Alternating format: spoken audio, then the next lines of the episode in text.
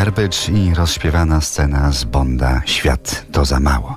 To bliskie spotkania z liderem, kompozytorem, pianistą, wokalistą grupy Skaldowie Andrzejem Zielińskim. Dlaczego śpiewa i muzykuje tak w ogóle? Wiemy z tytułu jednej z piosenek Śpiewam, bo muszę, śpiewa Andrzej Zieliński. A naprawdę było tak. Miłość do muzyki w krakowskim Domu Państwa Zielińskich zaszczepiał synom Andrzejowi i Jackowi.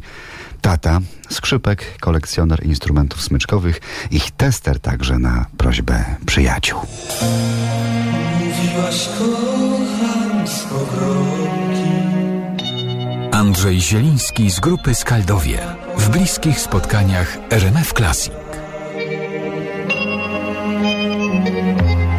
To wszystko, co nam Tato Franciszek muzykalny, lutnik, zbieracz instrumentów, tak? No między innymi, bo głównym jego zajęciem jednak było granie na tym instrumencie, czyli na skrzypcach.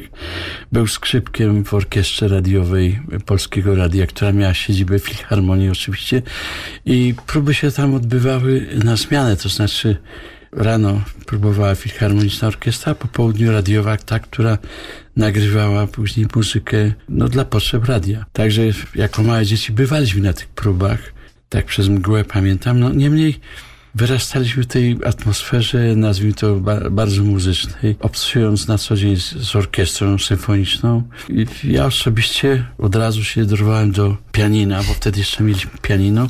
Fortepian dopiero później został zakupiony przez ojca. No i na tym pianinku sobie tam grałem według takich swoich jakichś potrzeb, to znaczy sobie improwizowałem, a a niebawem poszedłem do szkoły muzycznej, żeby się uczy, uczyć na fortepianie. Także... Rozumiem, że ta wielość instrumentów smyczkowych różnych w domu u państwa, no to ta moc y, smyczka spłynęła na brata raczej. No tak, to ojciec podzielił to, że jak już jeden jest jeden będzie pianistą, to drugi, żeby był skrzypkiem. Także chcąc, nie chcąc, brat został skrzypkiem, no i po prostu miał do dyspozycji później parę instrumentów, bo, ponieważ ojciec y, lutnictwem się zajmował, co po prostu testował różne instrumenty, no i przez jego ręce przychodziło wiele instrumentów. Poza tym no, kolekcjonował stare instrumenty, miał w domu takie rarytasy jak Viole d'Amore, Violeta Gamba, czyli te A, proszę, barokowe rzeczy. Barokowe, te, które się powiedzmy nie, na co dzień nie gra się na tych instrumentach, niemniej były kiedyś takie, no i w te zespoły instrumentów dawnych, to tam w składzie te instrumenty można zobaczyć, posłuchać. Barokowe instrumenty, ale i barokowe techniki, polifonia, kontrapunkt, jak dowiemy się niebawem, właściwe były skaldom już tym bardzo małoletnim. A tata Franciszek Zieliński jakiś czas na początku kariery tych y, skaldów właściwych, dorosłych był opiekunem, dziś powiedzielibyśmy menadżerem zespołu.